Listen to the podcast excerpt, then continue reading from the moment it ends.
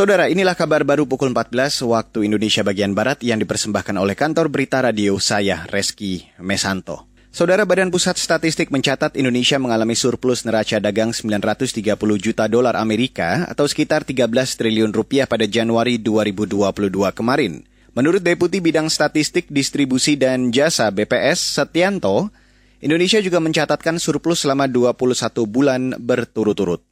Pada bulan Januari 2022 ini kita masih mengalami surplus sebesar 0,93 miliar US dollar dengan nilai ekspor sebesar 19,16 miliar US dollar dan impor kita sebesar 18,23 miliar US dollar sehingga masih surplus sebesar 0,93 miliar US dollar. Deputi Bidang Statistik Distribusi dan Jasa BPS Setianto menjelaskan, berdasarkan komoditas ekspor Indonesia pada Januari 2022 ditopang oleh industri pengolahan, sektor pertambangan, dan migas. Sementara untuk impor, BPS mencatat mayoritas didominasi oleh bahan baku dan penolong industri, barang modal, dan barang konsumsi. Kita beralih ke Papua, Saudara. Sembilan sekolah SD, SMP, dan SMA di Kabupaten Merauke, Papua ditutup sementara karena ada siswa dan guru yang positif COVID-19.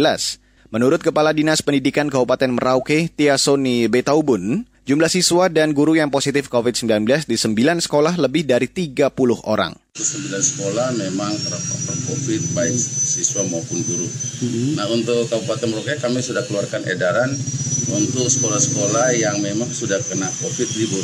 Libur dalam arti bahwa mereka satu minggu sampai dua minggu dan semua diwajibkan untuk gurunya harus web duluan. Sementara sekarang ini untuk 9 sekolah yang ada rata-rata siswa sudah di atas 20-an yang kena dan guru sekitar 10. Kepala Dinas Pendidikan Merauke, Tia Soni Betaubun mengungkapkan, Dignas Merauke belum memutuskan apakah akan memperlakukan belajar daring di semua sekolah atau tidak. Pasalnya, vaksinasi anak tengah berlangsung di setiap sekolah. Dinas Pendidikan Merauke juga menginstruksikan setiap sekolah membentuk tim COVID-19 di setiap kelas melibatkan siswa dan guru untuk mengawasi penerapan protokol kesehatan selama proses belajar mengajar. Saudara Sekjen Perserikatan Bangsa-Bangsa atau PBB Antonio Guterres khawatir atas peningkatan ketegangan soal Ukraina-Rusia.